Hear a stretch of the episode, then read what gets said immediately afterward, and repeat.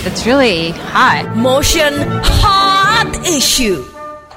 Kembali lagi di Motion Hot Issue kita ngebahas soal arogansi yang sering terjadi akhir-akhir ini dan tadi sempat di-spill juga sama Mbak Auli ya. Yes, bener banget. Tadi udah dikasih tahu apa sih yang menyebabkan ternyata memang latar belakang, gaya gaya pengasuhan juga gitu Ya. ya Mbak ya dan juga peer group atau pertemanan. Wow. Hmm. Nah, eh, berarti karena tadi disebutkan juga dari keluarga gitu. Berarti sekarang nih banyak yang bilang generasi strawberry Setuju, gitu ya. setuju Walaupun gue juga baru-baru tahu apa sih sebenarnya arti strawberry manis dong berarti generasi. Wow, generasi yang Manis-manis asem gitu ya. Generasi yang merah gitu ya.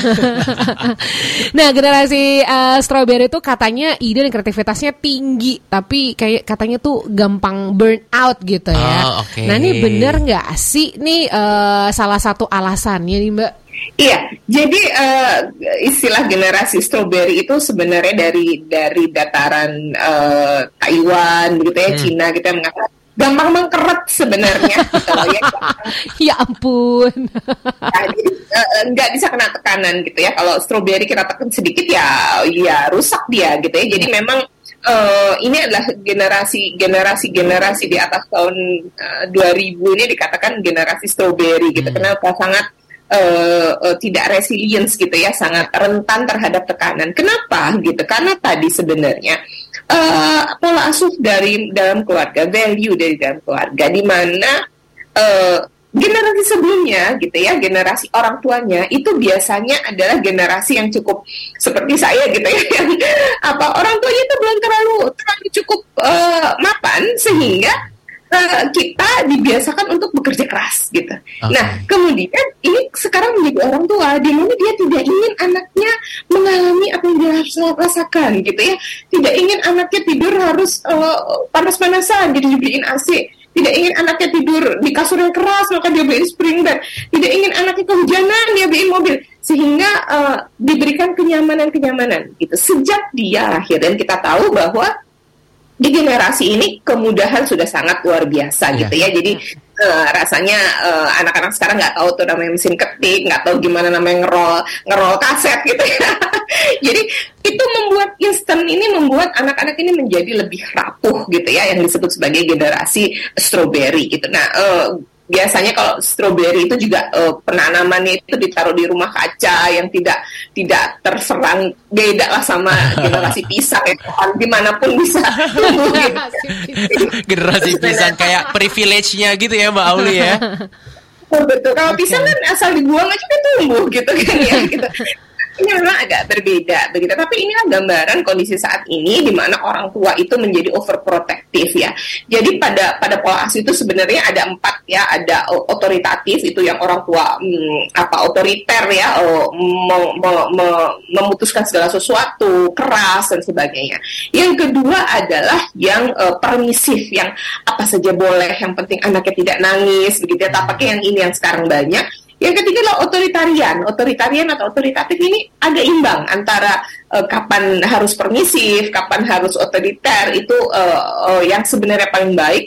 Dan yang terakhir adalah indulgence. Indulgence adalah menelantarkan anak gitu. Jadi serah deh apa pun yang mau dikerjain. Nah, eh, eh, tampaknya generasi ini adalah generasi-generasi yang lebih banyak diberikan permisif ya sehingga eh, konflik itu dihindari gitu ya. Padahal konflik itu sebenarnya adalah menumbuhkan, mengajarkan, melatih kecerdasan emosi. Orang baru bisa eh, apa melakukan pemecahan masalah kalau dia berhadapan dengan masalah. Setuju. Tetapi banyak anak-anak ini yang di di apa dilindungi dari masalah-masalah agar dia enak sehingga ketika dia betul-betul bertemu masalah, dia bingung bagaimana menghadapinya. Oke. Dan karena dia bingung bagaimana menghadapinya, satu-satunya yang paling mudah adalah otak manusia, otak eh, reptil ya, adalah agresif begitu. Sehingga agresivitas menjadi eh, cara penyelesaian masalah yang paling mudah begitu. Oke. Daripada harus negosiasi, marah kan lebih gampang gitu Benar, ya. benar, Jadi benar, benar. Itu dia tidak tidak tidak terlatih untuk bisa menyelesaikan masalahnya secara sehat gitu. Dan memang secara uh, instan gitu ya biasanya memang manusia itu yang jalan duluan kan bukan logikanya gitu ya.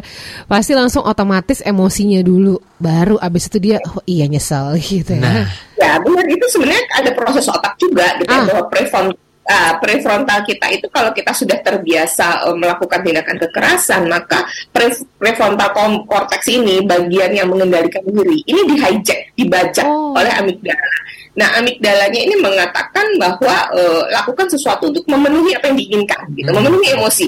Kalau dia lagi emosi dia mau nunjuk, ya aja, gitu. Jadi uh, mudah sekali tertrigger ya, mudah sekali tertrigger oleh hal-hal kecil dan kemudian tadi karena sudah di hijack impulsif. Jadi kalau saya mau mukul ya saya mukul. Kalau saya mau teriak, saya nangis ya saya nangis. Kalau saya sebel mobil saya di depan nggak mau berhenti saya tabrak ya saya tabrak gitu. Jadi ini juga juga berpengaruh terhadap uh, dipengaruhi oleh perkembangan otaknya dia gitu. Jadi ada hubungannya sama perkembangan otak juga dan memang uh, hal ini harus dicegah ya dan juga disadarin ya Mbak Auli ya. Caranya gimana nih kalau misalnya ada teman motion di sini remaja yang lagi menuju ke dewasa muda lagi dengerin sekarang pengen mengurangi rasa arogansinya jadi lebih sabar. Mengendalikan emosi lah ya. Mengendalikan emosinya. Ada tips and triknya enggak? Iya, jadi sebenarnya kuncinya adalah membangun kecerdasan emosi ya, emotional intelligence itu yang menjadi paling penting gitu ya.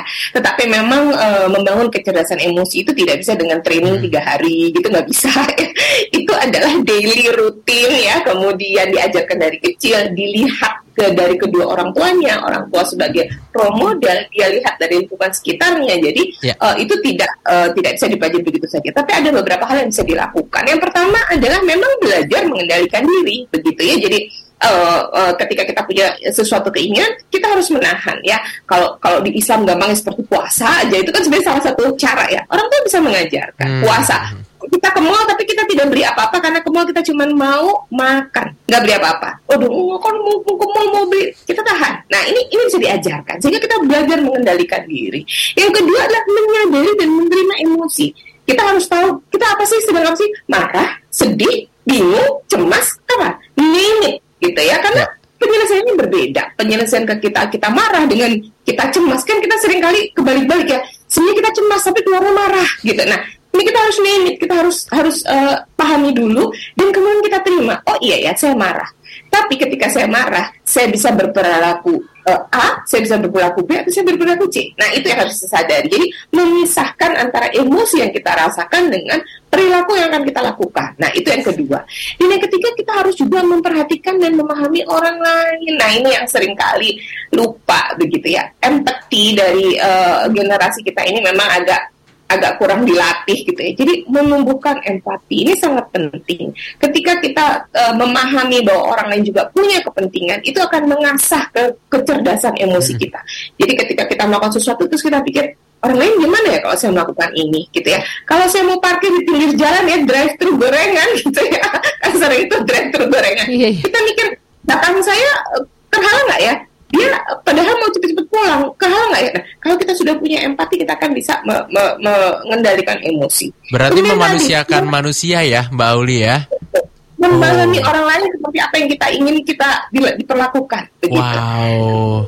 Tadi memandang konflik ya bahwa konflik itu sesuatu alat untuk bertumbuh dan yang terakhir motivasi intrinsik melakukan hmm. sesuatu bukan untuk orang lain tetapi melakukan sesuatu untuk diri kita sendiri kalau kita berprestasi bukan untuk ibu bukan untuk ayah bukan untuk sekolah tapi untuk diri saya sendiri saya belajar bukan untuk saya dapat nilai tapi karena saya ingin menuntut ilmu saya ingin tahu saya punya motor bukan karena saya ingin pamer sama teman saya tetapi dengan naik motor saya punya kepuasan tersendiri nah itu yang penting menumbuhkan motivasi intrinsik okay. bukan motivasi eksternal. Begitu. Nah, itu dia tuh udah kejawab semua Motivasi tuh ya. Motivasi dari internalnya. Uh, uh, barengan okay. sama Mbak Auli. Wow, seharusnya kalau kamu dengar ini teman motion udah pasti arogansi kita uh, bisa menurun, kita bisa mengendalikan emosi jauh lebih baik ya. Latihan terus setiap hari tentunya teman motion. Oke, sekali kita mau ngucapin terima kasih buat yes. Mbak Auli atas waktunya. Semoga bisa menjadi inspirasi buat teman-teman motion. Amin. Thank you ya Mbak Auli ya. 拜拜拜拜。拜拜。